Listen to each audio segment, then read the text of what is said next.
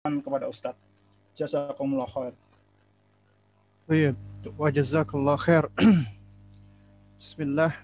Innal hamdalillah nahmaduhu wa nasta'inuhu wa nastaghfiruh wa natubu ilaih wa na'udzu billahi min syururi anfusina wa min sayyiati a'malina may yahdihillah fahuwal muhtad wa may yudlil falan tajid lahu waliyyan mursyida. Asyhadu an la ilaha illallah wahdahu la وأشهد أن محمدا عبده ورسوله لا نبي بعده أما بعد. فإن أصدق الكلام كلام الله وأحسن الهدى هدى محمد صلى الله عليه وعلى آله وسلم. وشر الأمور محدثاتها وكل محدثة بدعة وكل بدعة ضلالة وكل ضلالة في النار أما بعد. آه، kawan-kawan dan sahabat-sahabat dari komunitas residen mengaji yakni para ikhwan akhwat ya. Kemudian juga para abah dan ummahat yang dimuliakan Allah Subhanahu wa taala.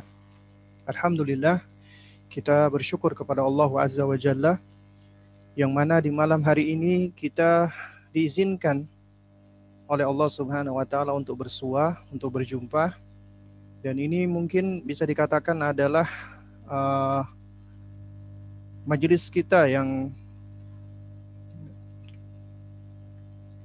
perdana ya ataupun yang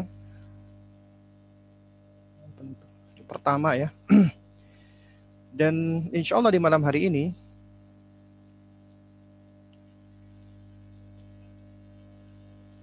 saya diminta untuk sedikit berbagi atau sharing ya berkenaan dengan bagaimana menjadi orang tua teladan di tengah kesibukan profesi. Ya. Ya, sebagaimana tadi sudah dijelaskan oleh pembawa acara kita ya, eh, bahwa kawan-kawan sekalian ini ya mungkin memiliki kesibukan ya di dalam eh, profesinya ya, yakni sebagai tenaga kesehatan ya, yang mana bisa dikatakan ya profesi nakes ini ya saat ini ya ini merupakan salah satu benteng bentengnya ya umat manusia di dalam menghadapi wabah pandemik ya yang saat ini qadarullah wa masyafa'ala ya.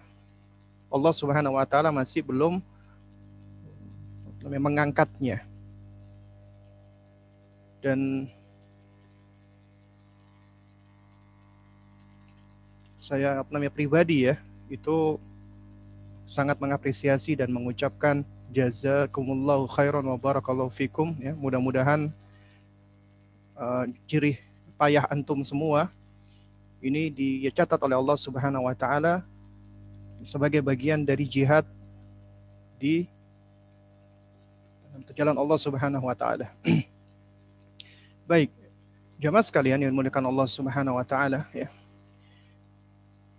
Meskipun Anda-anda semua ini ya memiliki kesibukan di tengah tanggung jawab dan juga di tengah uh, profesi ya.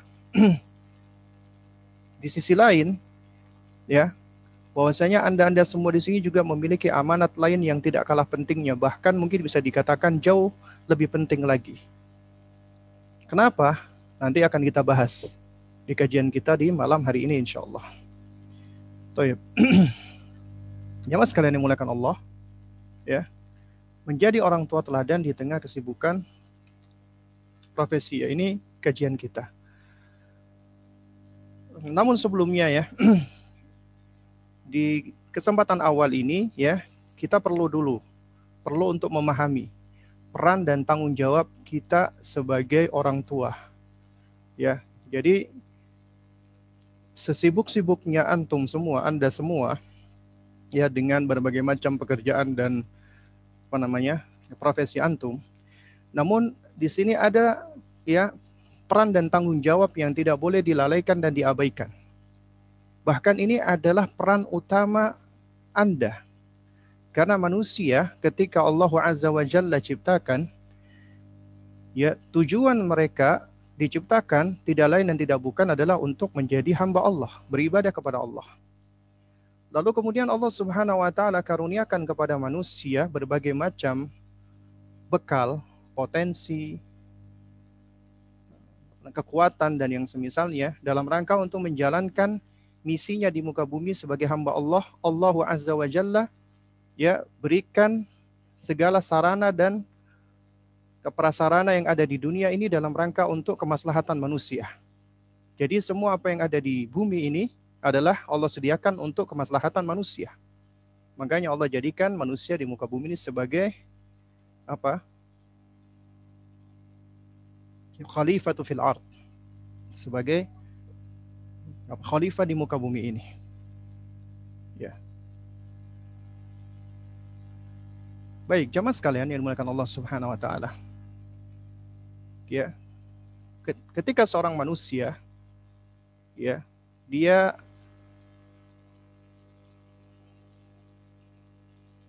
ketika hidup ya mengalami fase-fase atau marhalah mulai dari anak-anak ya mulai dari bayi. Ya usia 0 sampai 2 tahun disebut dengan sibian kemudian 2 sampai 7 tahun dia disebut dengan usia kanak-kanak atau tufulah ya. Kalau kita meminjam istilahnya apa namanya uh, al-hafidh Ibnu Hajar al-Asqalani itu usia gulam. Kemudian setelah usia tujuh tahun, ya ini idealnya anak sudah tamis, ya sudah mumayyiz. Disebut dengan usia yafi kalau menurut Al-Hafidh Ibnu Hajar al ya menurut Al-Hafidh Ibnu Hajar ya. Kemudian 7 sampai 10 yafi, 10 sampai balik atau 15 tahun usia hazawar Nah, kemudian ketika sudah balik, maka anak sudah menjadi dewasa. Ya, anak sudah menjadi dewasa. Disebut dengan usia dari uh, eh, 15 sampai dia usia 25 tahun. Usia kumut namanya ya. Jadi ya setelah usia 15 atau balik sampai 40 ya itu usia yang paling produktif disebut dengan syabun usia namanya pemuda. Nah, jamaah sekalian rahimani wa rahimakumullah. Di sini yang ingin saya sampaikan adalah ya ketika kita berfase-fase, bertahap-tahap, artinya kita melalui tahapan-tahapan tadi, kita nggak lepas dari dua tahapan umum. Yang pertama, kita sebagai anak-anak, kita di bawah tanggung jawab orang tua kita. Kemudian ketika kita sudah memasuki fase dewasa, fase dewasa maka kita nggak akan lepas dari dua apa namanya peran kita yang paling utama. Kita sebagai seorang suami atau istri dan kita sebagai seorang ayah dan seorang ibu. Ini adalah peran utama manusia. Adapun profesi-profesi lainnya yang bersifat duniawi itu hanya itu adalah bersifat apa sekunder dalam rangka untuk apa? Dalam rangka untuk untuk mensupport atau mendukung ya peran utama kita sebagai ayah atau suami ataupun ibu atau istri. Itu peran utama kita. Adapun profesi lainnya itu adalah profesi sekunder. Itu yang perlu kita pahami. Jadi peran utama kita ya sebagai manusia ketika sudah dewasa, kita kelak akan menikah dan akan punya anak. Dan ini bagian dari tuntunan syariat. Jamaah sekalian menggunakan Allah Subhanahu wa taala, ya. Jadi pada saat kita bicara tentang peran orang tua, orang tua adalah sebagai pelindung, ya. namanya protektor. Dalilnya adalah surat At-Tahrim ya. Kita insya Allah sudah sering mendengarkan ini dan sudah banyak tahu ya. Ya ayuhalladzina amanu qu anfusakum wa ahlikum nara Nanti akan kita bahas ya tentang ayat ini. Lalu kemudian yang berikutnya, tanggung jawab kita juga sebagai seorang penanggung jawab. Ya sebagai ya pemimpin yang akan diminta pertanggungjawaban. Karena kata Nabi Shallallahu Alaihi Wasallam, ya Nabi mengatakan kullukum ra'in ya wa kullukum mas'ulun an ra'iyati ya. Setiap kalian adalah pemimpin dan setiap kalian akan diminta pertanggungjawaban tentang yang dipimpinnya. Kemudian juga warrajulu ra'in ala ahli baitihi wa huwa mas'ulun an ra'iyatihi. Dan juga seorang laki-laki adalah pemimpin atas keluarganya dan dia akan diminta pertanggungjawaban atas yang dipimpinnya demikian juga wal mar'atu ra'iyatun fi baiti ba'liha wa ala waladi zaujiha wa mas'ulah anha dan wanita juga pemimpin atas rumah suaminya dan anak-anak suaminya dan dia akan diminta pertanggungjawaban tentangnya.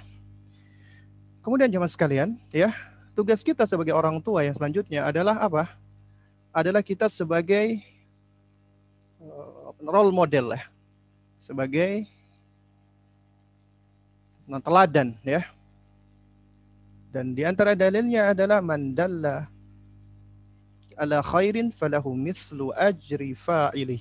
Siapa yang menunjuki kepada kebaikan, maka dia akan mendapatkan pahala seperti pahala orang yang mengerjakannya. Ya. Dan yang berikutnya adalah kita sebagai pendidik ya, murabbi. Kita orang tua tidak lepas dari tugas kita untuk mendidik mereka. Kita adalah muaddib yang mengajarkan adab. Kita adalah apa namanya? muallim yang mengajarkan ilmu. Kita adalah mudarris ya, yang mengajarkan dars, pelajaran-pelajaran. Kita adalah juga ustadz dan ustadzah bagi anak-anak kita. Ya, ini adalah peran dan tugas orang tua yang harus kita pahami ya jemaah sekalian.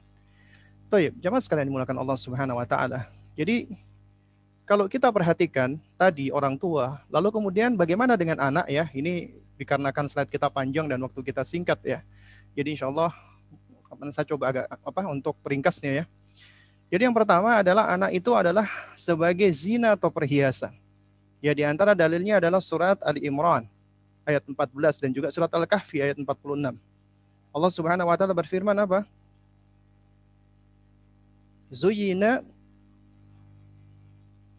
linnasi hubbu syahawati minan nisa'i wal banin. Ya. Itu Allah Subhanahu wa taala mengatakan ya dijadikan indah dalam pandangan manusia ya yaitu kesenangan terhadap apa-apa yang diinginkan dari wanita dan anak-anak ya.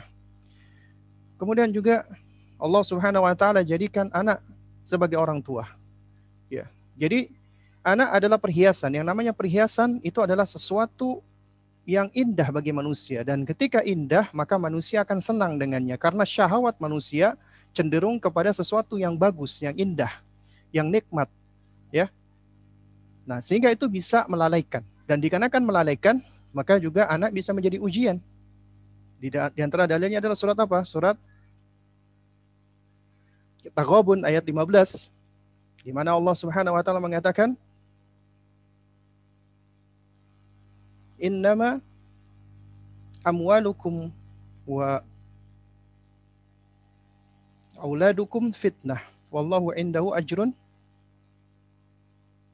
azim ya. Ya sesungguhnya amwalukum wa auladukum hartamu dan anak-anakmu itu fitnah adalah ujian bagi kalian, cobaan bagi kalian. Wallahu indahu ajrun azim. Dan di sisi Allah lah pahala yang besar. Kemudian juga bahkan anak bisa menjadi musuh, ya. Anak bisa menjadi musuh bagi orang tuanya. Dan ini adalah sesuatu yang patut kita waspadai. Ya. Nah, di antara dalilnya adalah apa? Di antara dalilnya adalah surat Taghabun ayat ke-14 ya di mana Allah Subhanahu wa taala mengatakan ya ayyuhalladzina amanu inna min azwajikum ya ya inna min azwajikum wa apa namanya? Auladikum aduwwan lakum fahdharuhum.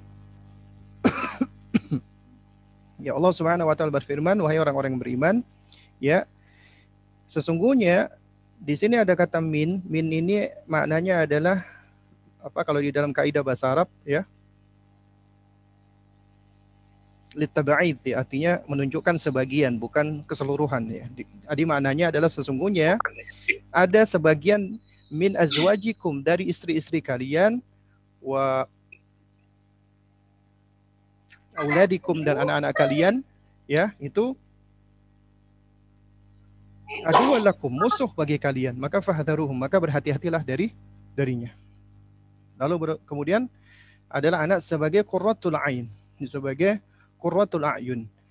Dan dalilnya banyak di sini. Di antaranya adalah kita bisa lihat di surat Ali Imran, doanya Nabi Zakaria yang Allah abadikan, ya Allah berfirman, Hunalika da'a Zakaria Rabbahu. di sanalah yaitu di mihrab di mihrabnya Maryam, Zakaria itu berdoa kepada Rabbnya, kepada Allah Subhanahu wa taala. Beliau mengatakan qala Rabbi habli min ladunka turriyatan tayyibatan innaka sami'ud du'a. ya. Wahai Rabbku, ya karuniakanlah aku min ladunka dari sisimu, dari sisi engkau. Dzurriyyatan thayyibah disebut dengan dzurriyyah thayyibah, keturunan yang baik ya innaka sami'ud doa. Sesungguhnya engkau adalah maha mendengarkan doa. Dan kalau kita perhatikan ya, ketika Allah menyebutkan anak-anak yang baik, yang saleh, qurratul ayun, ya, atau keturunan yang apa thayyibah, itu selalu dengan format doa. Ini menunjukkan bahwasanya ya kesolehan dan baiknya anak itu mutlak berada di tangannya Allah.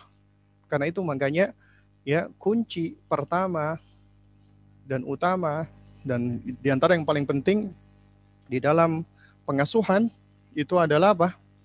Adalah berdoa kepada Allah. Ya, doa kepada Allah Subhanahu wa taala. Baik. Jamaah sekalian yang dimuliakan Allah, ya. Orang tua adalah sebagai hami, sebagai apa namanya? protektor ya, sebagai penjaga pemelihara. Dan ini adalah ayat di dalam surat At-Tahrim yang menjadi visi dan misi setiap keluarga muslim. Ya. Kalau kita perhatikan ya, ku anfusakum wa ahlikum. Ya. Allah Subhanahu wa taala memberikan perintah. Dan kalau di dalam kaidah disebutkan bahwasanya ya al-aslu fil amri ya hukum asal di dalam perintah itu menunjukkan wujub yang menunjukkan kewajiban. Jadi wajib. Ya, wajib ya sebelumnya Allah memberikan khitab seruan kepada orang-orang beriman. Wahai orang-orang yang beriman. Jadi ini khusus untuk orang-orang beriman. Ku jagalah. Ya, perint ya, jagalah. Jadi isi perintahnya Allah adalah jagalah, ya. Jagalah apa namanya? Peliharalah, bentengilah, lindungilah. Siapa? Anfusakum, diri kalian. Itu yang pertama. Jadi ini menunjukkan apa? Menunjukkan bahwasanya ya awalus salah islahu islahun li nafsi. Perbaikan pertama adalah perbaikan diri.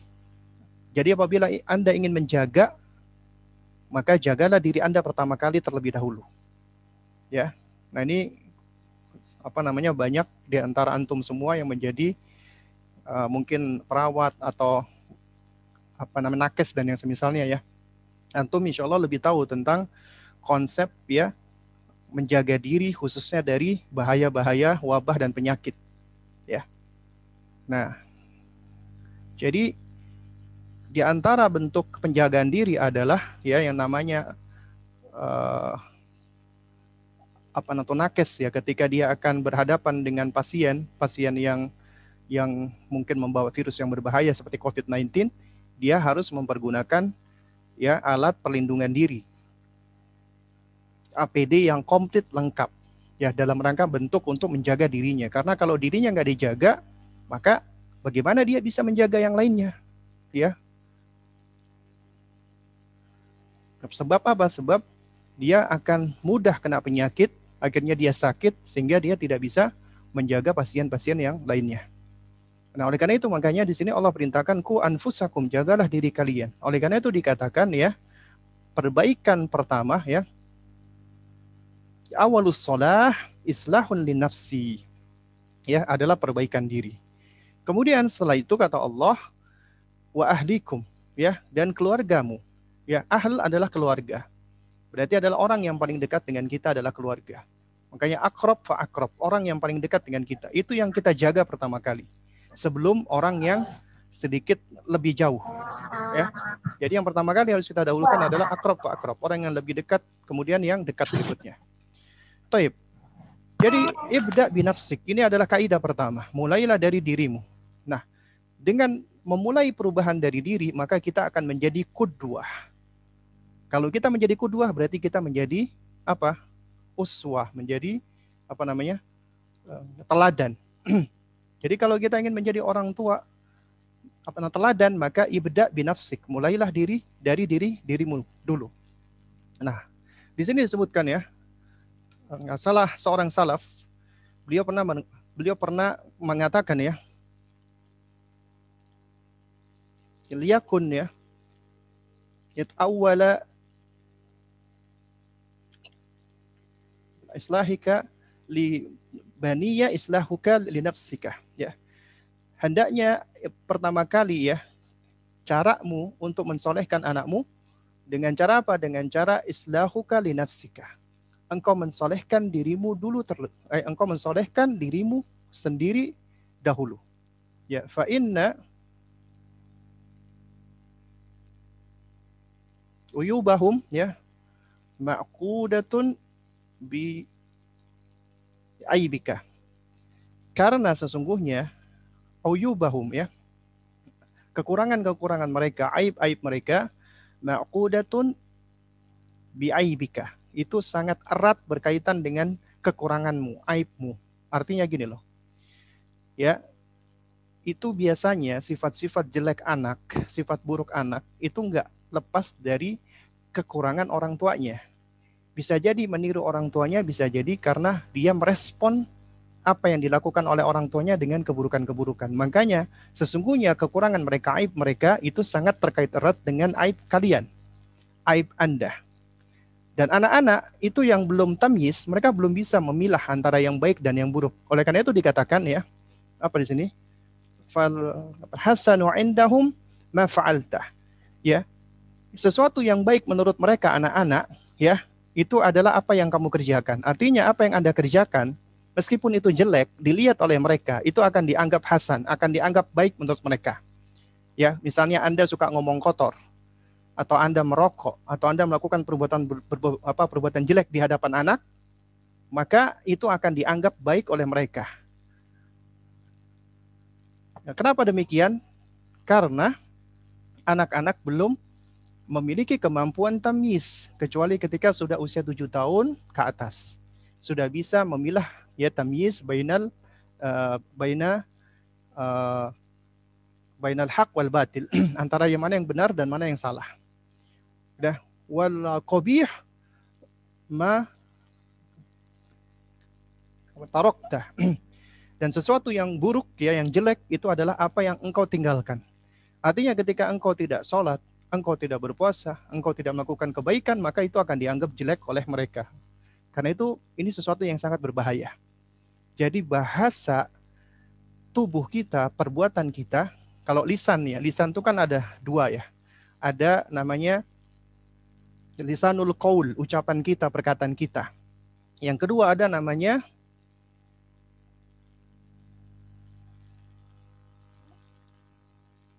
lisanul hal ya lisanul hal itu artinya adalah perbuatan kita.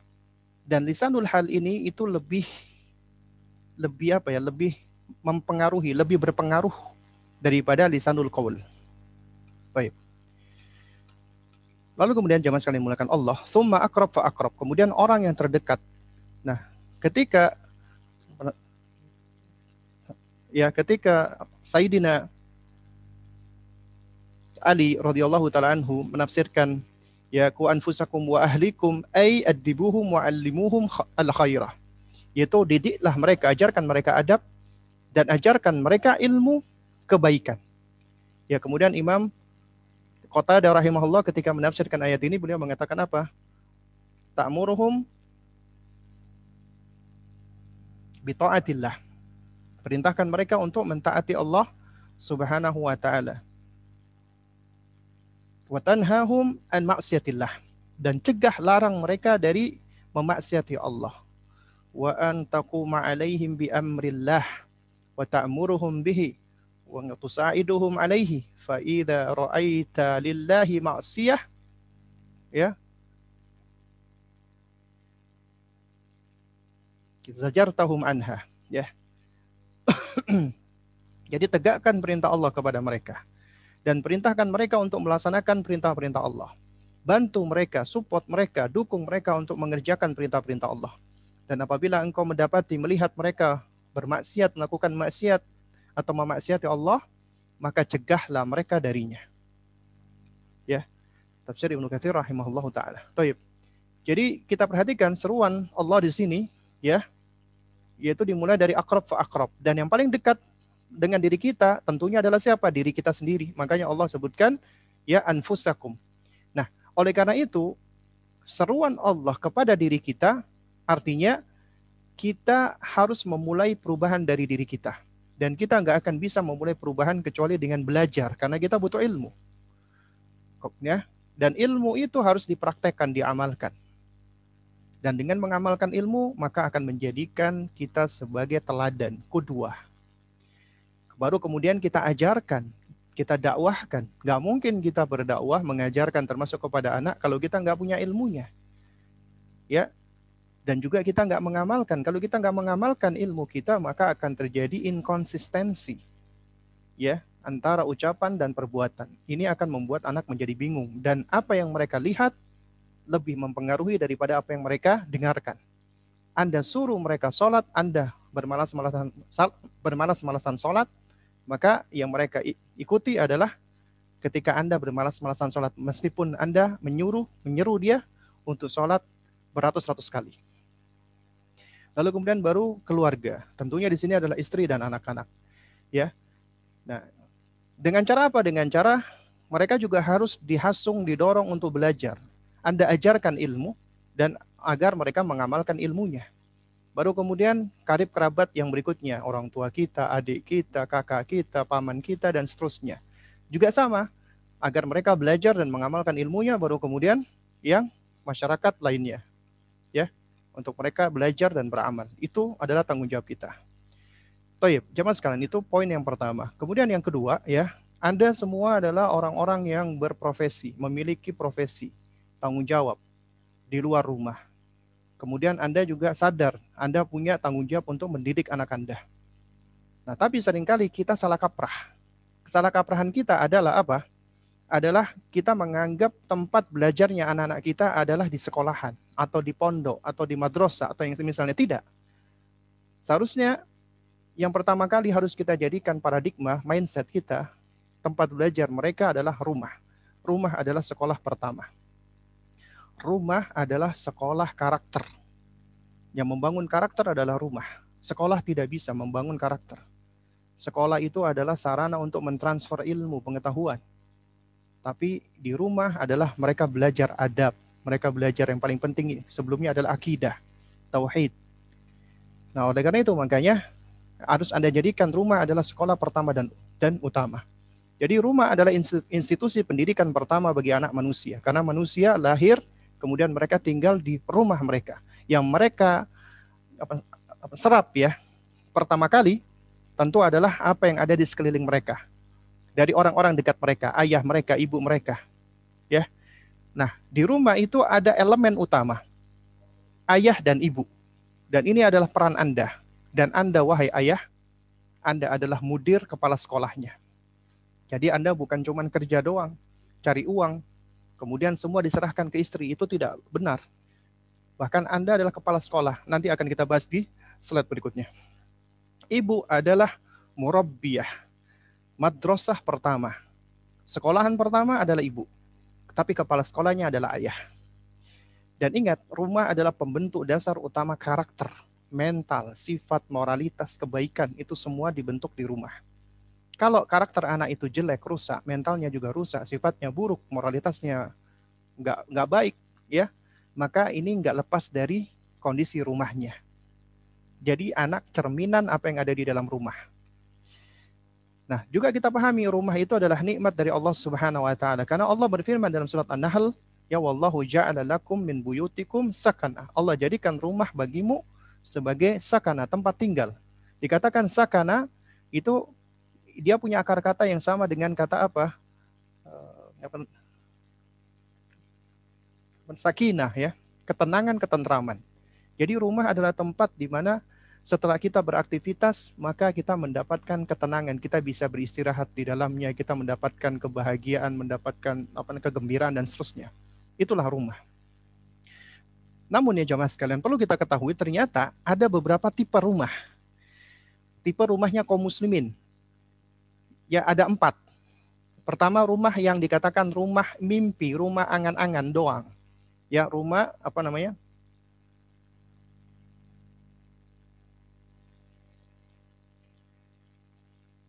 Utopis ya, yang cuman angan-angan doang.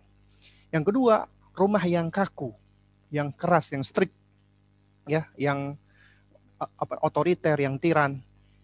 Kemudian yang ketiga, rumah yang abai, teledor, apatis, nggak mau tahu. Yang keempat, rumah teladan. Rumah teladan adalah rumahnya ayah dan ibu teladan, orang tua teladan. Lalu bagaimana eh, rumah yang dikatakan rumah apa namanya utopis atau angan-angan, yaitu banyak orang tua pengen anaknya menjadi anak yang soleh. Dan hampir semua orang tua kalau kita tanya, meskipun dia penjahat, meskipun dia, mohon maaf ya, uh, wanita nakal ya, seperti PSK dan yang ya, dan yang semisalnya, ketika ditanya, ya, ya tentang anaknya, pasti mereka semua ingin menginginkan anaknya menjadi anak yang soleh. Sejahat-jahatnya, seburuk-buruknya mereka, mereka ingin menjadi anak yang soleh. Nah, banyak orang tua pengen anaknya jadi anak yang soleh. Tapi ternyata dia nggak mau belajar, nggak mau menjadi apa teladan. Malah metodenya adalah ketika mendidik anak, dititipkan anak ke lembaga pendidikan atau ke orang lain. Entah ke pembantunya, entah ke neneknya, entah ke ini atau ke ya. Dan ini adalah potret mayoritas rumah kaum muslimin. Cuman ada angan-angan doang, mimpi doang. Makanya dikatakan rumah apa namanya? Utopia ya. Kemudian ada rumah yang tiran, yang otoriter, yang strict. Orang tuanya pengen anaknya menjadi anak soleh. Orang tuanya belajar, masya Allah, ya mendingan. Tapi nggak hikmah. Jadi mereka cenderung pengen cepat instan, pengen yang paling mudah, ya, pengen mengambil jalan singkat. Oleh karena itu, ya kita lihat metode orang tua yang ingin mengambil jalan singkat, ya mereka langsung pingin setiap ucapannya didengarkan dan ditaati. Nah, oleh karena itu, akhirnya apa yang apa yang dilakukan orang tua seperti ini memaksa anak. Kalau nggak dipaksa, dibentak, dimarahi, dihukum. Jadi mendidik anak dengan keras dan kaku. Akhirnya kondisi rumah penuh dengan ketegangan. Anak takut dengan abinya, dengan uminya. Tidak ada komunikasi yang baik. Mungkin anak tanpa nurut tapi ternyata di dalam di dalam diri anak, di dalam jiwa anak itu penuh dengan kecemasan, ketakutan, kemarahan, kejengkelan, dendam, emosi dan yang semisalnya. Karena tidak diwarnai dengan cinta kasih. Ya. Dan ini adalah sebagian rumah orang-orang yang mereka semangat belajar tapi biasanya ilmunya minim. Nggak punya hikmah, pengen cepat-cepat atau instan. Ini yang seperti ini. Kemudian ada lagi rumah yang abai, teledor, apatis.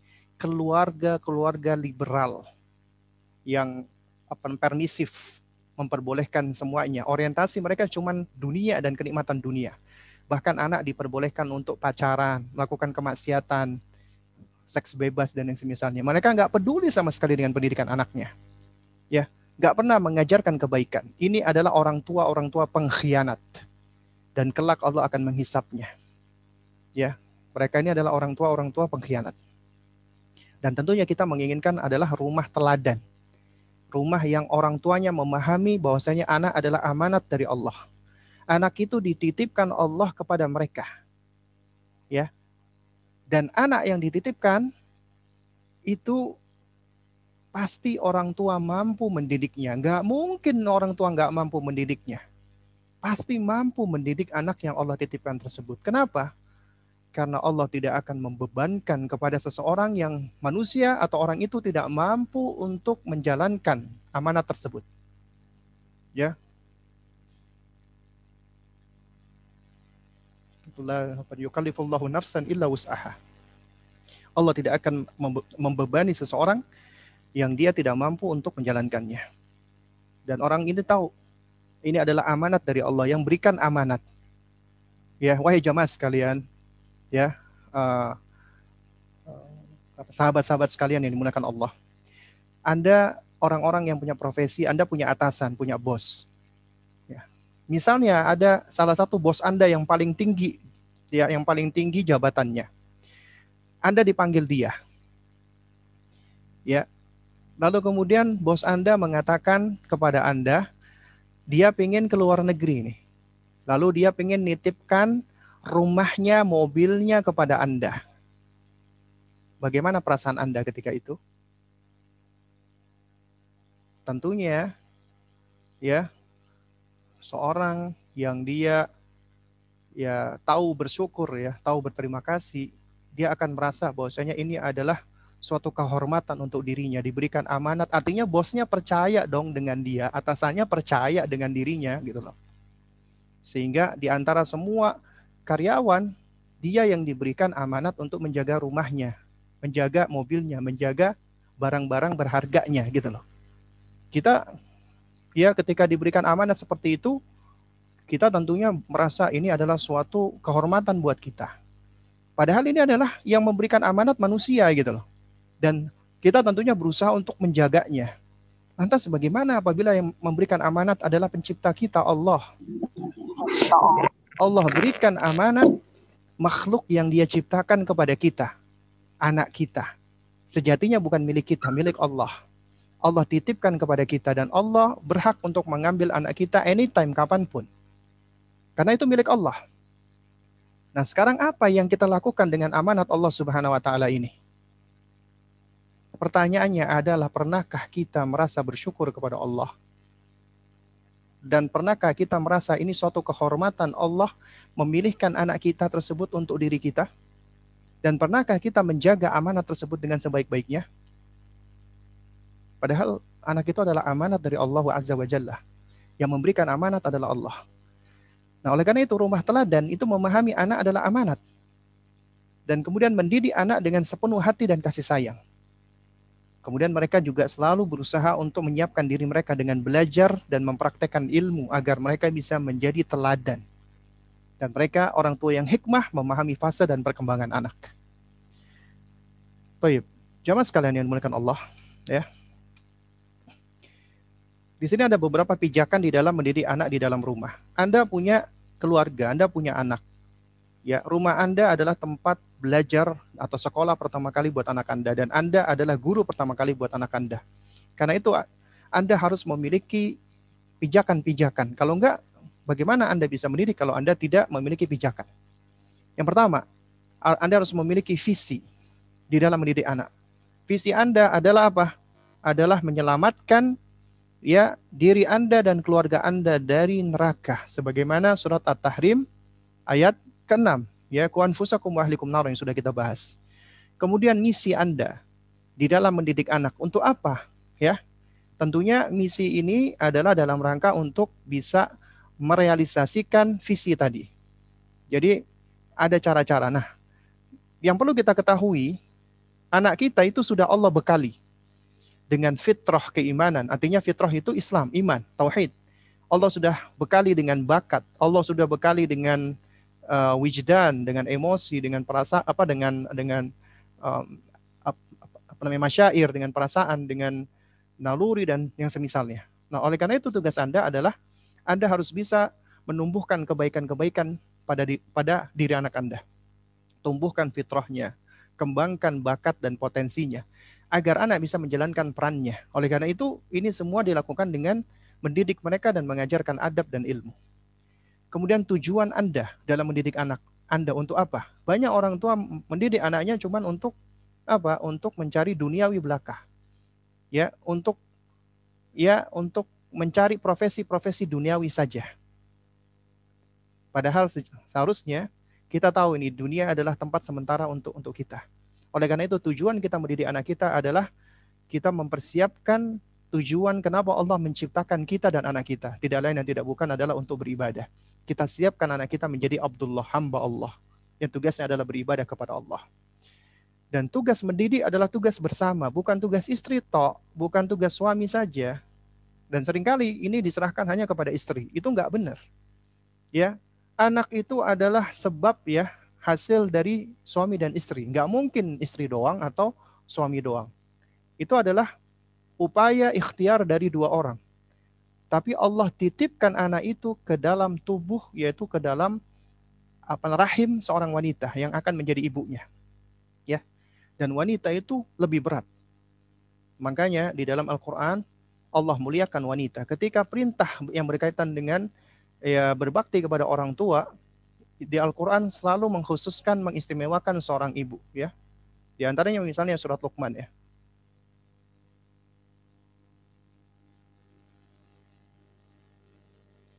Wa wasaina al-insana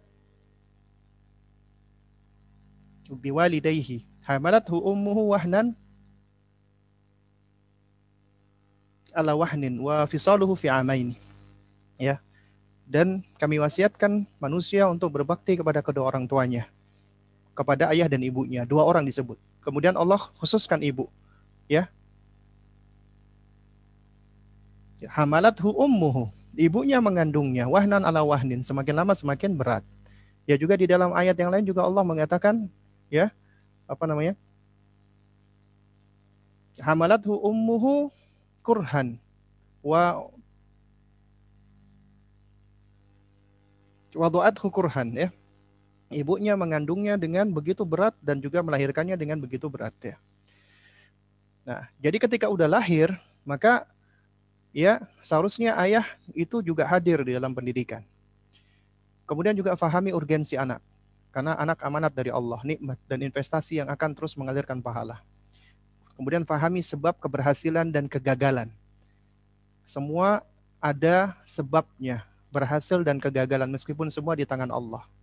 Di antara sebab kegagalan dari seorang pendidik, orang tua nggak mau belajar, cuek, nggak sabaran, tidak mau menjadi apa ini tidak tidak menjadi apa teladan karena dia tidak mengamalkan ilmunya, tidak mempraktekkan ilmunya. Ya. Itu dari pendidiknya. Kemudian dari cara atau metodenya. Cara yang digunakan, ya. Mungkin orang tuanya belajar, perhatian, tapi caranya keliru. Tidak hikmah, tidak sesuai perkembangan anak. Pernah terlalu sulit dan yang semisalnya, ya. Ini adalah poin-poin yang perlu kita pahami. Baik. Lalu kemudian jamaah sekalian, ya ini sebagai pengingat ya anak adalah amanat dari Allah Subhanahu wa taala. Allah mengamanatkan dan ingat ya jamaah sekalian. Al Hafidz Ibnu Qayyim rahimahullahu taala beliau berkata ya wa kam mimman ashqa waladahu wa faladata kabdihi fid dunya wal akhirah bi ihmalihi wa tarki ta'dibihi wa kita ya i'anatihi lahu ala syahwatihi. ya, dan betapa banyak dan betapa banyak orang tua yang menyengsarakan anaknya atau buah hatinya di dunia dan di akhirat. Karena apa? Karena dia dengan cara biihmalihi, dengan cara mengabaikannya. Watar kita dibihi, nggak mau mendidiknya. Wa i'anatihi lahu ala syahwatihi. Dan malah memfasilitasi syahwat-syahwatnya atau keinginan-keinginannya yang nggak baik ya. Wa yaz'amu annahu yukrimuhu wa qad ahanah dia mengira dia telah menyayanginya. Padahal dia telah ya telah apa? Telah uh, dia mengira dia telah memuliakan anaknya padahal dia telah merendahkan anaknya. Wa annahu yarhamuhu wa qad zalamahu. Dia mengira dia telah menyayanginya padahal dia telah menzaliminya. Akhirnya apa dampaknya? Fafatahu intifa'uhu biwaladi. Akhirnya hilanglah bagian manfaat dari anaknya tersebut.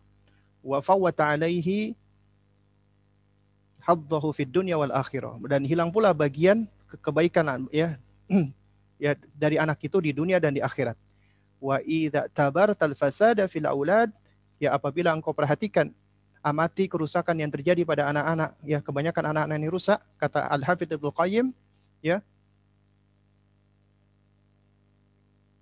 ra'aita amatahu min kibalil aba. Maka engkau dapati penyebab utamanya adalah karena apa? Karena bapak karena ayah yang enggan untuk turut serta di dalam pendidikan. Maka perhatikanlah wahai para ayah. Toib. di sini ada ada peringatan dari melalaikan anak. Itu termasuk perbuatan khianat. Ingat sebagaimana orang tua punya hak yang wajib ditunaikan oleh sang anak yaitu anak berbakti maka anak pun juga punya hak yang wajib ditunaikan oleh orang tuanya yaitu mendidiknya Ya. Dan Al-Hafidh Ibnu Qayyim rahimahullah menerangkan bahwasanya nanti pertama kali yang dihisap itu bukan bakti anak kepada orang tua, tapi tentang pendidikan orang tua kepada anaknya. Nah, oleh karena itu juga dikatakan sebagaimana Allah memerintahkan kita untuk berbakti kepada orang tua, maka demikian pula ia perintahkan kita agar berbuat baik kepada anak-anak kita. Ibnu Qayyim berkata bahwa pertama kali yang dihisap oleh Allah adalah haknya anak yang wajib ditunaikan oleh orang tuanya, sebelum hak orang tua yang wajib ditunaikan oleh anaknya yaitu berupa birrul walidain. Taib. Jamaah sekalian, anak adalah amanat ya bagi orang tua dan Allah akan minta pertanggungjawaban atasnya. Melalaikan amanat, khianat dan kesalahan nyata serta bentuk sikap cacat di dalam agama. Nah, juga sebaliknya berbuat baik kepada anak dan bersungguh-sungguh mendidik mereka ini adalah suatu pelaksanaan dari amanat yang Allah berikan. Adapun meremehkan dan melalaikan hak anak merupakan bentuk penipuan dan pengkhianatan. Ingat, Allah Subhanahu wa taala berfirman ya, "Innallaha ya'murukum an tu'addul amanat ila ahliha." Sesungguhnya Allah memerintahkan kalian untuk menunaikan amanat kepada yang berhak menerimanya. Kata para ulama di dalam bab tarbiyatul aulad ila ahliha ay ilal abna, yaitu kepada anak-anak. Kita wajib menunaikan amanat yang Allah berikan kepada kita, yaitu tentang anak-anak kita. Allah juga berfirman, "Ya ayyuhalladzina amanu la yatakhunullaha wa rasulah. Janganlah kalian mengkhianati Allah dan Rasulnya. Wala takhunu amanatikum wa antum ta'lamun. Dan janganlah kalian mengkhianati amanat-amanat yang telah dipercayakan kepada kalian sementara kalian tahu. Ya, apalagi ini yang memberikan amanat adalah Allah Subhanahu wa taala. Rasulullah wasallam pun bersabda, "Ma min 'abdin yastar'ihi Allahu ra'iyatan yamutu yauma yamutu wa huwa qashun li ra'iyatihi illa haramallahu alaihi jannah. Tidaklah seorang hamba yang diberi tanggung jawab oleh Allah kemudian dia meninggal dunia dalam keadaan dia menipu, enggak mau memenuhi amanat dari yang dipimpinnya dalam hal ini anak-anaknya, melainkan Allah akan haramkan surga baginya. Juga di dalam hadis yang lain Nabi bersabda, "Kafa bil mar'i ithman an yudayyi'a man yaqut." Cukuplah seseorang dikatakan berdosa apabila dia mengabaikan menyia-nyiakan yang menjadi tanggungannya. Siapa yang menjadi tanggungannya? Tentunya anak dan istrinya. Toyib. Lalu kemudian kita masuk ke berikutnya. Profesi utama Anda, wahai sahabat, ya, adalah sebagai orang tua. Itu profesi utama Anda. Anda sekarang menjadi nakes, Anda menjadi perawat, Anda menjadi dokter, Anda insinyur, dan ya itu semua adalah profesi-profesi Anda yang menyokong profesi utama Anda. Profesi utama Anda sejatinya adalah sebagai orang tua, sebagai ayah dan ibu. Itu yang harus Anda jadikan mindset Anda.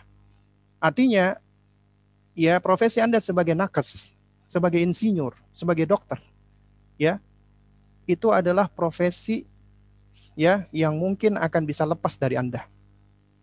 Tapi sebagai orang tua, ya, itu nggak akan bisa lepas dari Anda. Meskipun Anda sudah meninggal dunia, apa yang Anda lakukan akan senantiasa mengalir. Kalau Anda abai, dosa yang akan Anda tunai, yang akan Anda tuai.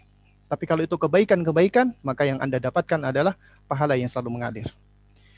Jadi jamaah sekalian, ya, di sini ada peran ayah dan bunda. Oleh karena itu Anda, wahai para ayah, tugas Anda adalah menentukan visi, misi, dan tujuan dari keluarga. Keluarga bagaikan sebuah perahu atau kapal, ya bahtera, Anda adalah nahkodanya. Anda tentukan destinasi. Anda yang menentukan visi, misi, tujuan tersebut. Anda yang bertanggung jawab. Kalau Anda nggak bisa menentukan visi, misi, dan destinasi, ya, maka kapal ini tidak akan berlabuh. Bahkan kapal ini mungkin akan berputar-putar, lost, apa tersesat. Dan selain itu Anda juga ber, apa, bertanggung jawab untuk untuk melindungi. Anda sebagai protektor dan pelindung. Ya, dan Anda adalah pemimpin dan penanggung jawab. Nah, sementara para ibu ya, Anda adalah pelaksana atau eksekutor visi dan misi dari suami Anda.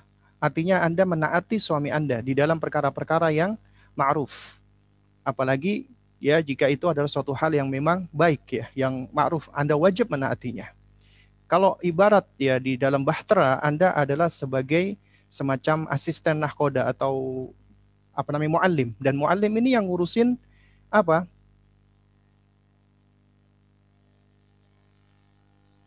ABK, anak buah kapal, ya. Itu tugasnya ya muallim. Anda tugasnya adalah sebagai eksekutor harian, sebagai mudarisah, muaddibah, murabbiyah, sebagai pengajar, ya sebagai pendidik yang mengajarkan adab, ilmu, dan juga Anda adalah sebagai penanggung jawab. Dan ingat, anak akan belajar dari sosok Anda, wahai ayah, tanggung jawab mas'uliyah. Mereka belajar tentang tanggung jawab dari sosok ayahnya. Mereka belajar tentang ilmu dibat, kedisiplinan dari ayahnya. Kalau anak nggak disiplin, biasanya karena ayahnya tidak disiplin. Anak belajar tentang asyikotu bin nafs, kepercayaan dirinya dari ayahnya.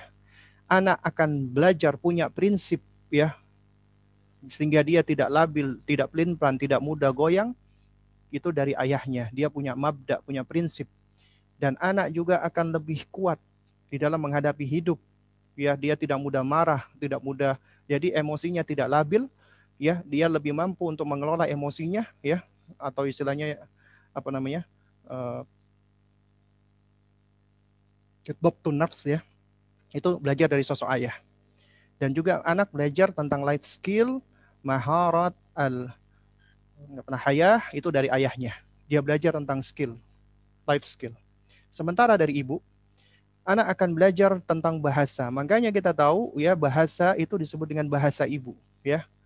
Uh, jadi anak itu belajar ngomong, belajar bahasa, belajar kemampuan berbahasa itu dari ibunya. Juga demikian anak mengambil intelijensi zakat dari ibunya. Anak menyerap akhlak dan adab lebih banyak dari ibunya. Anak mengenal tentang emosi, perasaan, ma'rifatul syuur dari ibunya. Anak belajar kasih sayang, kelemah lembutan dari ibunya. Anak belajar ketabahan, kesabaran dari ibunya. Paling banyak. Anak belajar empati, al-utuf juga dari ibunya. Nah, coba sekarang bayangkan apabila ya anak tidak mendapati salah satu dari dua ya dua entitas ini, entah ayahnya atau ibunya nggak ada. Tentunya mereka akan kesulitan. Atau mungkin ayahnya ada tapi nggak pernah hadir. Ibunya ada cuman cuek. Apa kira-kira yang akan diambil? Jadi jangan heran apabila anak-anak itu ketika ayahnya dan ibunya tidak hadir, maka mereka akan menjadi anak yang bingung. Nggak tahu bertanggung jawab, nggak punya kedisiplinan, nggak percaya diri, nggak punya prinsip, emosinya labil, kemudian kasar karena nggak pernah belajar kasih sayang, kemudian bahasanya kacau, kemudian juga dari apa kecerdasannya juga ya seperti itu ya pokoknya intinya itu yang akan pernah terjadi. Toib. Oleh karena itu jamaah sekalian ya ini kita sudah masuk ke bagian bagian ini ya bagian slide yang yang akhir ya. Jadi uh, insya Allah kita masih ada waktu untuk bertanya jawab nanti ya. Ya bagaimana karakter orang tua teladan ya. Nah ini berikut saya coba ringkaskan ya. Ada tujuh ya. Apa sebenarnya banyak ya. Cuman di sini cuman untuk mempermudah saja ya saya ambil dari kata teladan. Yang pertama, tentunya Anda wahai orang tua, pertama kali yang harus Anda jadikan sebagai prinsip dan yang engkau ajarkan adalah tauhid. Tauhid adalah yang engkau ajarkan pertama kali dan utama. Ini adalah metodenya Luqman alaihissalam di dalam mendidik anaknya. Metodenya semua nabi dan rasul. Tauhid. Ya. Karena tujuan Anda mendidik anak Anda adalah dalam rangka untuk apa? Untuk menjaga tauhidnya agar mereka bisa menjadi hamba Allah yang sebenarnya yang sejati. Tauhid. Jangan sampai tinggalkan tauhid. Ya. Kemudian yang kedua, Anda harus berempati dan memahami kebutuhannya. Betapa banyak orang tua ya mereka itu bersifat bersikap egois terhadap anaknya. Ya, bersikap lebih mendahulukan egonya nggak mau memahami anaknya. Ya, tapi dia pengen dipahami, pengen dituruti ucapannya, tapi nggak pernah menempatkan dirinya bagaimana kalau dia menjadi anaknya. Dan dia berusaha dan dia tidak berusaha untuk mengenal fase-fase perkembangan anaknya. Dia menganggap anaknya yang kecil itu harus sudah bisa ngerti sama seperti orang dewasa. Gak punya empati. Gak ngerti kebutuhan anak. Ya, akhirnya apa? Akhirnya miss di situ. Ya, jadi adanya gap komunikasi. Anaknya suka ngelawan, ngeyelan, orang tuanya juga marah-marah dan akhirnya ya ketika anak eh, ketika orang tua mengucapkan sesuatu ya yang nggak dipahami oleh oleh anak, anak merespon dengan buruk, orang tua merespon dengan buruk lagi, keburukan itulah yang akan diserap oleh anak. Kemudian nggak kalah penting adalah luangkan waktumu wahai orang tua terutama ayah luangkan waktu untuk sang anak. Jangan mencari waktu luang. Anda jangan mencari waktu luang untuk membersamai anak, tapi luangkan waktu untuk membersamai dia. Karena pemberian yang paling baik untuk anak Anda adalah kehadiran Anda. Bukan uang, bukan es krim, bukan makanan, bukan boneka, bukan mainan, bukan. Tapi hadirnya Anda. Kemudian jadilah orang yang akrab dan bersahabat dengannya Ya, jadilah orang tua yang asik. Jadilah orang tua yang tidak suka cuman sekedar nyuruh-nyuruh doang, merintah-merintah doang, pengen menang sendiri. Namanya orang tua itu gitu. Kebanyakan dia pengen menang sendiri. Anaknya pokoknya harus nurut. Nggak mau bersikap akrab dengan anaknya. Akhirnya anak ketika nggak punya sahabat, ya akhirnya dia mencari sahabat lain. Akhirnya ketika dia mencari sahabat lain, ternyata sahabat yang dia jadikan sahabat adalah orang-orang yang jelek atau kawan-kawan yang buruk. Akhirnya orang tuanya lagi yang kelabakan. Seharusnya orang tua itu menjadi sahabat yang paling dekat dengan anaknya. Akrab dan bersahabat dengannya. Kemudian jangan lupa selalu doakan anaknya, anak dengan kebaikan. Ya, doakan selalu dia di sholat kita, setelah sholat kita, di waktu-waktu mustajabah, ataupun ketika langsung kita ucapkan barakallahu fiq, jazakallah khair, atau kita doakan mudah-mudahan nak kamu jadi anak yang soleh, mudah-mudahan nak apa kamu jadi anak yang berbakti Hapsa, jangan main pintu Hapsa.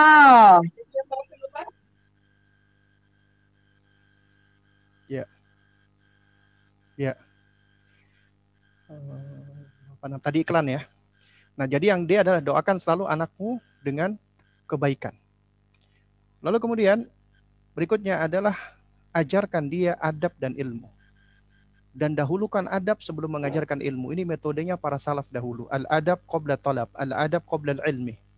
Ya, nah ini cuman kalau mau dibahas memang panjang ya. Jadi saya sengaja memang karena waktu singkat, jadi kita bahas singkat-singkat saja. Baru kemudian yang terakhir adalah terus nasihati dan bimbing anak di dalam kebaikan dengan cara yang hikmah, dengan cara yang baik. Hikmah itu ya jamaah, kalau kata Al-Hafidh Ibnul Qayyim rahimahullah adalah fi'lun ma bagi ala wajhil ladhi bagi fi waqtil ladhi bagi Ya, yaitu engkau melakukan sesuatu dengan tepat dan engkau melakukannya dengan cara yang tepat dan engkau melakukannya di waktu yang tepat itu hikmah. Nah, kalau menurut ya uh,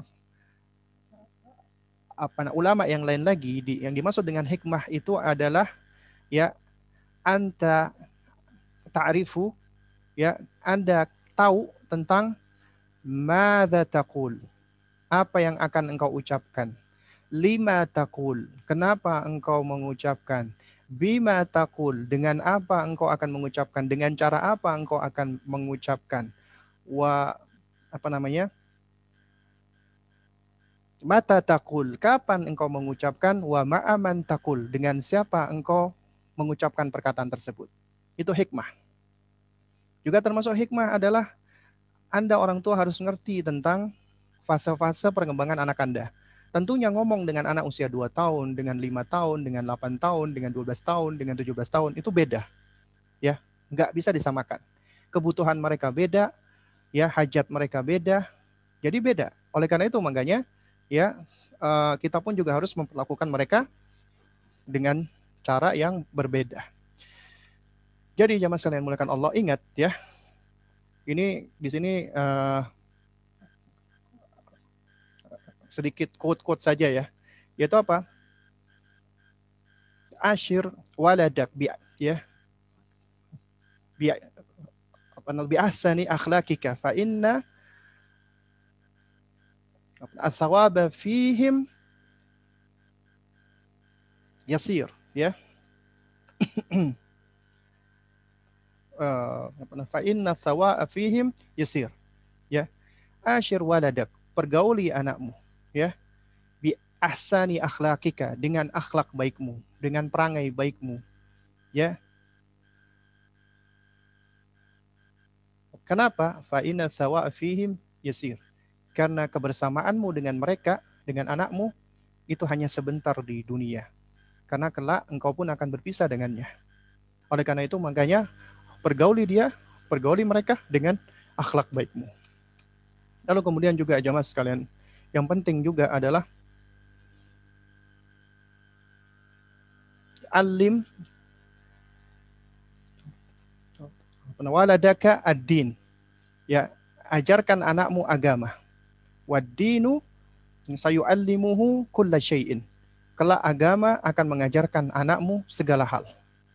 Jadi yang pertama kali ya yang Anda harus pahami adalah ajarkan anak Anda agama bukan matematika, bukan fisika, bukan kimia, bukan biologi, bukan. Ajarkan pertama kali adalah agama. Karena kelak nanti agama akan mengajari dia segala hal. Ya. Terus kemudian ini yang yang terakhir dari quote kita pada malam hari ini, ya.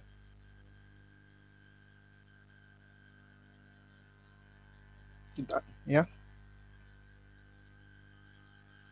Afdalul hadiyah fi auladika hiya huduruka. Ya hadiah yang paling afdol, yang paling utama, yang paling baik fi auladika kepada anak-anakmu hiya huduruka adalah kehadiranmu. The best apa present for your kids is your presence. Ya. Jadi hadiah yang paling baik untuk anak-anakmu adalah ketika engkau hadir bersama mereka, bukan hadiah berupa mainan dan yang semisalnya. Ya Allah taala alam sawab. Mudah-mudahan yang sedikit ini bisa memberikan manfaat ya bagi teman-teman yang ingin slide-nya nanti bisa minta ke teman-teman panitia. Baik, mungkin ada sedikit waktu untuk bertanya jawab jika memang ada pertanyaan. Kalau nggak ada pertanyaan, alhamdulillah. Kalau ada pertanyaan, ya akan coba jawab meskipun tidak semua pertanyaan bisa saya jawab. Ya Allah alam sawab. Jazakumullah khair Ustaz.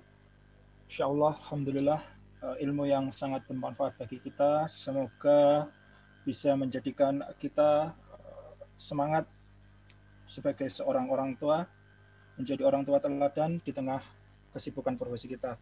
Nah, Eh, dari kolom chat, insya Allah sudah ada empat pertanyaan. Sudah ada empat pertanyaan, Masya Allah. Taib. Anda bacakan pertanyaan pertama dari Aulia.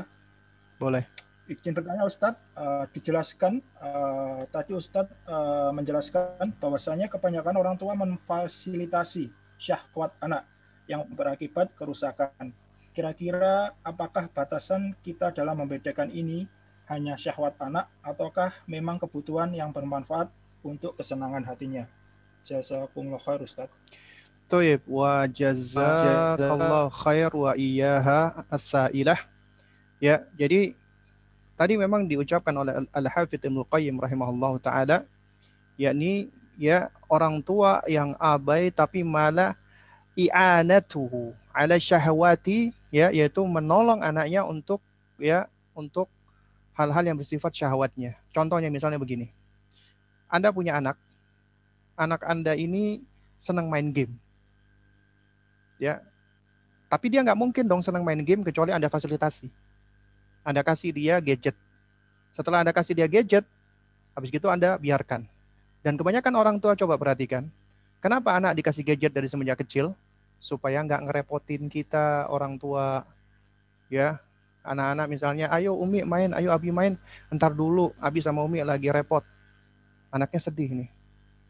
Dia pengen main nih anak. Namanya anak, dia tetap keinginannya ingin dipenuhi. Akhirnya yang dilakukan oleh orang tua apa? Dikasih handphone. Smartphone nih, nih. Tapi nggak dibersamai, nggak diajarkan, nggak nggak diajarkan bersepakat, nggak diajarkan batasan.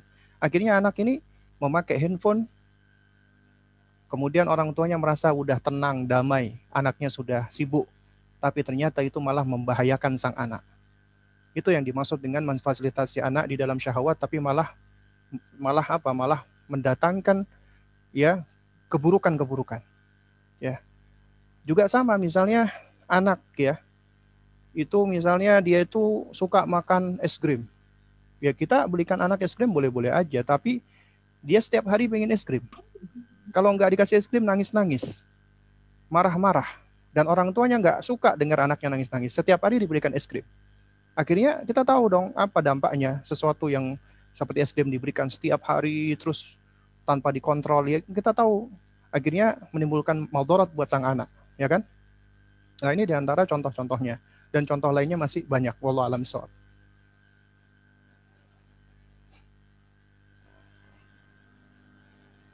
Alhamdulillah Ustaz. Insya Allah ini masih ada beberapa pertanyaan lagi Ustaz. Uh, selanjutnya izin pertanyaan dari Umu Syifa. Uh, beliau bertanya, jika salah satu orang tua tidak serumah dengan anak, namun akhlaknya tidak baik, seperti sering berdusta, tidak bertanggung jawab, dan sebagainya.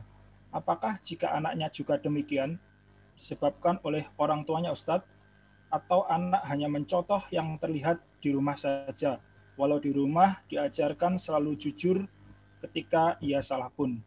Saya pernah dengar yang penting ikhtiar dan proses membimbing dan menjadi teladan anak sesuai tuntunan Rasulullah Shallallahu Alaihi Wasallam. Sedangkan hasil akhir bagaimana si anak tergantung hidayah Allah. Mohon penjelasannya Ustaz. Jazakallah khair. Baik, wa jazakallah khairan wa iyyaha sa'ilah. Baik, jadi di sini ada dua poin yang ingin saya apa komentari ya dan juga saya jawab. Yang pertama, ketika anak-anak itu berdusta, anak itu berbohong, maka kita tahu nih berbohong dan berdusta itu adalah karakter yang jelek, akhlak yang jelek, akhlak yang buruk, itu dusta, bohong. Yang kita harus barok berlepas diri darinya dan harus mengingkarinya dengan semaksimal mungkin, dengan ya dengan uh, dengan berbagai macam cara yang kita bisa lakukan agar anak meninggalkan bohong. Tapi sebelum pertama, sebelum kita menfonis anak itu bohong dan kita hendaknya tidak tidak tidak menfonis anak sebagai pembohong, kita harus mencari tahu dulu kenapa dia berbohong. Yang perlu kita ketahui, secara asal fitrahnya manusia berada di atas sesuatu yang bersih. Islam, tauhid, ma'rifatullah, itu murni bersih tidak dikotori dengan segala macam keburukan-keburukan. Ya. Nah, keburukan-keburukan ini datang itu karena faktor eksternal. Ini bisa kita lihat dari hadis Nabi ketika Nabi bersabda ma min mauludin illa yuladu alal fitrati fa abawahu yuhawidanihi wa yunasiranihi wa yumajisanihi. Ya. Setiap anak dilahirkan di atas fitrah.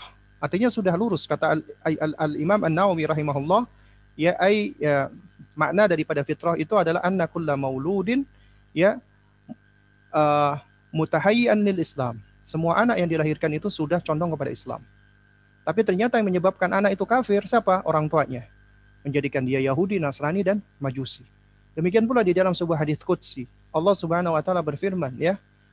Allah Azza wa Jalla mengatakan khalaqtu ibadi hunafa. Aku menciptakan hamba-hambaku itu hanif, lurus berada di atas fitrah ya. Summa atathum syayatin fajtalathum an dinihim. Kemudian datang syaitan yang apa yang menyimpangkan mereka menyelewengkan mereka dari agama mereka. Nah jadi anak secara asal itu bersih lurus. Kalau dia memiliki sifat-sifat jelek sifat jelek itu adalah sifat yang dia ambil dia serap dari lingkungan sekitarnya. Termasuk berbohong. Kenapa anak itu bisa berbohong itu harus kita cari tahu. kita harus berusaha untuk mengidentifikasinya. Ternyata anak itu berbohong bisa dengan berbagai macam cara. Bisa, maksud saya bisa dengan berbagai macam sebab. Di antaranya mencontoh. Abinya atau uminya tanpa sadar ngajarin dia berbohong.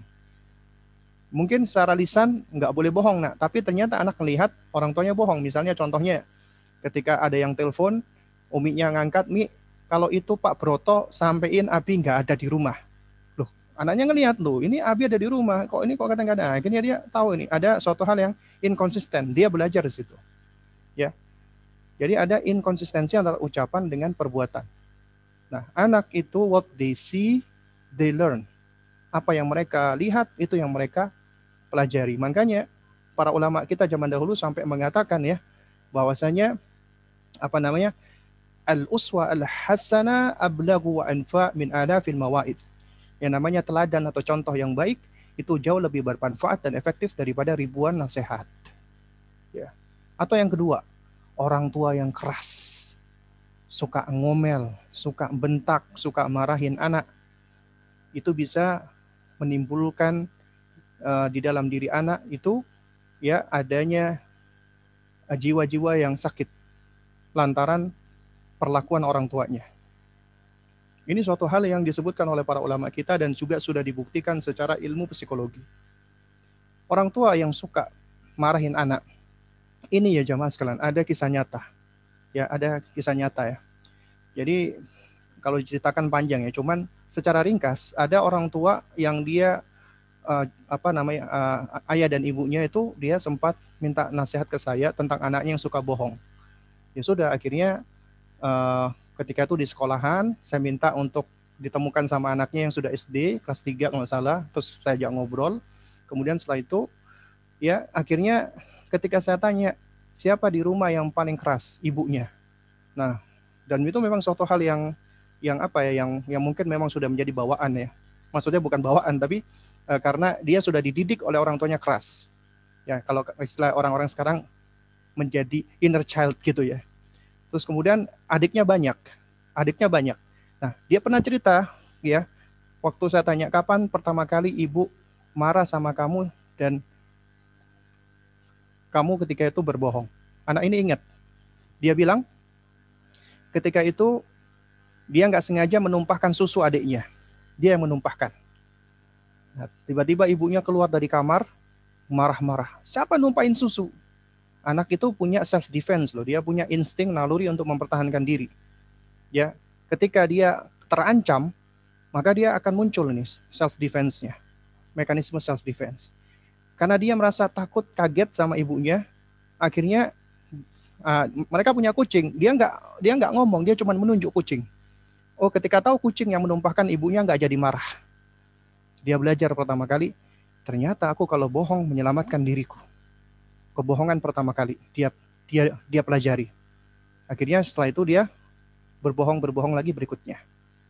Ya intinya ya jamaah sekalian, kebohongan itu pada anak-anak terjadi itu karena banyak faktor ya di antaranya orang tua yang terlalu keras. Ya orang-orang tua yang suka melabel, suka apa suka mengkompar anaknya dan dan seterusnya. Oleh karena itu orang tua harus apa ya harus muhasabah, introspeksi diri. Itu kuncinya pertama kali. Anda ingin memperbaiki harus introspeksi. Cari tahu penyebabnya, perbaiki. Ya. Nah, itu yang harus kita lakukan. Kemudian poin yang kedua, dikatakan bahwasanya tugas kita orang tua hanya berikhtiar.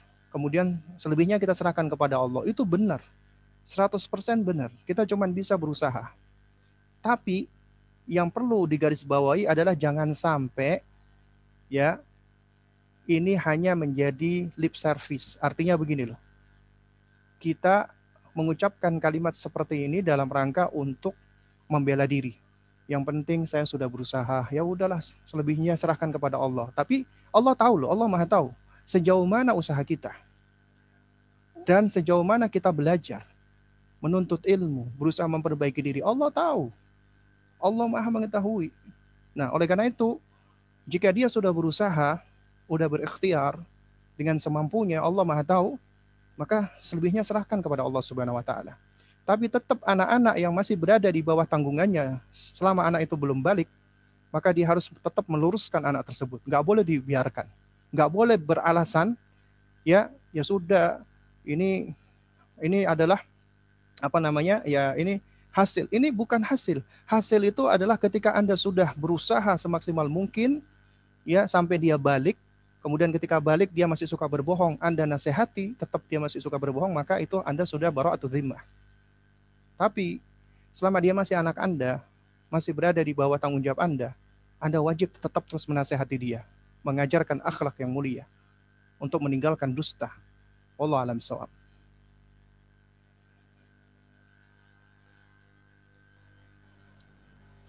Jazakumullah khair Ustaz. Uh, insya Allah masih ada beberapa menit sebelum pukul 9 Ustaz. Oh, iya. Izin kami uh, sampaikan pertanyaan. Uh, anu enggak? Uh, Boleh nggak kita menerima pertanyaan bagi yang ingin bertanya langsung? Nah, Ustaz, uh, bagi jamaah yang ingin bertanya secara open mic, silakan uh, kami persilakan untuk klik raise hand uh, yeah. kepada Ratna Dewi. Kami persilakan.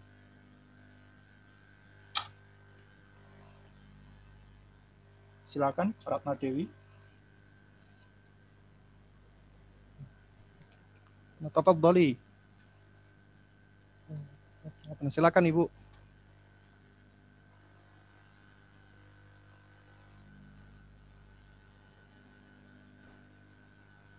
Ya, suaranya belum keluar ini, Bu.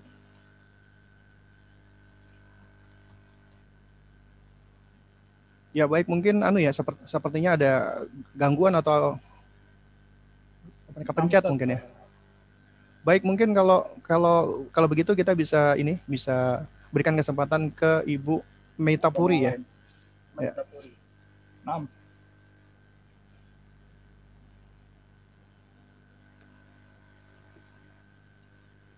Kami persilakan, Afado. Assalamualaikum warahmatullahi Waalaikumsalam warahmatullahi wabarakatuh. ada pertanyaan Ustaz. Eh, bagaimana cara eh, saya ceritakan kondisi dulu sebentar ya. Eh, jadi saya itu eh, tinggal di rumah sama anak-anak, sedangkan eh, suami saya eh, lockdown karena perusahaannya me, apa ya eh, lockdown gitu, jadi nggak bisa pulang ke rumah. Hmm. Uh, jadi hmm. saya tuh uh, mempersamai anak saya itu sendiri gitu mm bagaimana ya peran sebagai ibu itu harus bisa double gitu dengan keadaan seperti ini saat suami saya jauh. Baik. Ya. Terima kasih Ustaz. Ya. Jazakallah khairan. Taib, afwan wa jazakillah khairan ya. Taib. Jadi ini adalah pertanyaan yang sebenarnya cukup banyak ya. Kalau tadi sang penanya hanya hanya menjelaskan kalau suaminya sedang lockdown. Nah, sementara ada sebagian dari saudari-saudari kita itu memang uh, suaminya imma meninggal dunia ataupun mungkin sudah pisah dengan suaminya sehingga dia harus berperan ganda. Lalu kemudian meminta nasihat bagaimana seharusnya. Toib. Jamaah sekalian mulakan Allah, ya. Kalau untuk kasusnya sang penanya tadi, Ibu Metapuri ini sebenarnya lebih ringan. Kenapa saya katakan?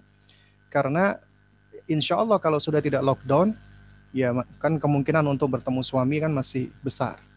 Nah, jadi mungkin ketika kondisi lockdown ini ya, memang sang anak atau anak-anak mungkin memang butuh sosok ayah. Ya, lantas bagaimana caranya? Ini juga sama dengan sebagian uh, keluarga yang suaminya harus kerja di luar kota atau di luar negeri Nah, itu di antara solusinya adalah Alhamdulillah Allah Subhanahu wa Ta'ala sekarang ini banyak memberikan kita kemudahan. Di antaranya dengan adanya teknologi. Seperti sekarang misalnya contohnya, ya kita dalam kondisi yang kita tahu ya, pandemik saat ini itu ya masih belum usai. Juga masih banyak WFH, work from home. Juga ada sebagian juga di lockdown. Dan juga banyak saudara-saudara kita yang wafat meninggal dunia. Akhirnya kita tetap harus menjaga diri, kita stay di rumah. Nah, alhamdulillah Allah berikan kita uh, nikmat dengan adanya teknologi, dengan meskipun kita berjauh, ini Anda semua kebanyakan dari Malang yang panitianya kan. Nah, itu bisa kita bikin kajian online dengan saya yang ada di Cinere ataupun di Depok. Bahkan mungkin ada peserta-peserta lain yang ada di wilayah-wilayah lain. Artinya teknologi ini adalah nikmat dari Allah. Allah memberikan kemudahan untuk kita. Nah juga demikian, meskipun suami misalnya lagi lockdown, nah itu insya Allah ya apa namanya yang namanya teknologi kan masih bisa dipakai. Bisa lah dalam sehari misalnya video call dengan anak-anak, menanyakan kabar anak, ngobrol sama anak, ya dan seterusnya. Ini hal-hal yang yang yang bisa dilakukan oleh sang suami agar tetap suami itu hadir. Bapak itu hadir di dalam pendidikan. Kecuali suaminya kerja di hutan yang gak ada sinyal, nah ini memang muskilah. Kalau seperti ini ya memang harus diajarkan bersabar ke anak-anaknya. Ya, dan insya Allah absennya sang suami atau sang bapak tadi kalau itu memang tidak dalam waktu yang lama yang panjang ya mudah-mudahan sih mudah-mudahan sih tidak akan banyak mempengaruhi anak asalkan suami berusaha untuk terus bisa hadir semaksimal mungkin ya entah dengan teknologi atau yang semisalnya. Lantas bagaimana dengan dengan uh, wanita yang suaminya sudah meninggal dunia atau yang sudah berpisah ya untuk wanita yang seperti ini ya maka ya dari saya pribadi nasihat saya jika dia masih mampu untuk menikah lagi mencarikan ayah yang baik untuk anaknya tentu ini solusi yang paling baik. Ya. Solusi yang paling baik. Tapi kalau memang misalnya belum belum belum ada kelapangan untuk menikah lagi maka hadirkan laki-laki lain yang halal. Maksudnya bukan laki-laki yang bukan mahram ya yang halal, kakeknya, pamannya, atau adiknya istri, atau intinya ya mahramnya sang ibu tadi yang yang dia baik, punya akidah yang baik, akhlak yang baik, yang intinya bisa mengajarkan ya sifat-sifat seorang laki-laki. Dalam hal tanggung jawab, dalam hal apa namanya uh, kepercayaan diri dan yang semisalnya. Lalu kemudian kalau misalnya nggak ada, kalau misalnya juga nggak ada, maka ya bisa dengan cara si anak ini dicarikan guru, entah guru TPA atau yang semisalnya, ya ataupun mungkin juga sekarang kan ada ini kelas-kelas online yang diasuh oleh kayak Kak Erlan, Kak Yogi dan yang semisalnya. Itu coba diikutkan. Meskipun hanya sedikit, tapi insya Allah mudah-mudahan itu bisa memberikan apa namanya pengaruh. Karena kaidahnya ya sesuatu yang tidak bisa diraih seluruhnya, maka tidak ditinggalkan sebagiannya. Artinya kalau kita nggak bisa menghadir, menghadirkan laki-laki utuh ya, maka jangan ditinggalkan ya. Misalnya ada cara-cara untuk bisa menghadirkan laki-laki soleh. Ya wallah alam bisawab. Ya mungkin ini yang bisa saya jawab. Dan meskipun mungkin jawaban-jawaban yang saya sampaikan la yusminu ya tidak menyebabkan kenyang dan juga tidak menghilangkan dahaga ya. Taib. Taib Ustaz, uh, Afwan kepada para jamaah yang uh, belum terjawab pertanyaannya karena waktu sudah menunjukkan pukul 9 dan Ustadz juga butuh istirahat. Uh, insya Allah semoga bisa kita sambung di lain hari Ustadz. Insya Allah. Insya Allah. Selanjutnya mungkin Ustadz ada penutup statement baik. kajian kali ini. Oh, baik. Biasanya yang nutup ngasih ngasih kesimpulan host ini, apa namanya pembawa acara biasanya. Toyib ya. Jadi jamaah sekalian menggunakan Allah ya. Uh, mungkin uh, mungkin di penutup ini yang bisa saya sampaikan adalah ya singkat saja. Ini kan panitia penyelenggaranya adalah presiden mengaji dan juga saya sempat dijelaskan bahwasanya memang teman-teman residen mengaji ini orang-orang yang memang memiliki profesi ya sebagai nakes kalau nggak salah ya perawat dan yang semisalnya Anda punya tanggung jawab besar dan juga ya yang saya dapatkan informasi juga sebagian besar teman-teman yang terjun di garda depan yaitu dalam rangka untuk uh, apa namanya in, uh, mengobati pasien COVID, akhirnya mereka nggak bisa pulang. Karena kalau mereka pulang, mereka bisa membahayakan ya untuk keluarganya. Akhirnya mereka ya harus stay di mana di di apa rumah sakit atau tempat itu tadi tempat mengisolasi pasien-pasien tadi. Nah, jadi yang yang yang mungkin bisa saya sampaikan di sini adalah ya bagi kawan-kawan yang berada di garda depan ya mudah-mudahan Allah Subhanahu wa taala memudahkan urusan antum semua. Allah Azza wa Jalla ganjar antum dengan pahala yang berlimpah dan juga Allah Subhanahu wa taala jadikan ya pahala antum adalah pahala jihad di jalan Allah. Dan juga untuk uh, keluarga, keluarga dari para nakes yang berada di garda depan ini ya.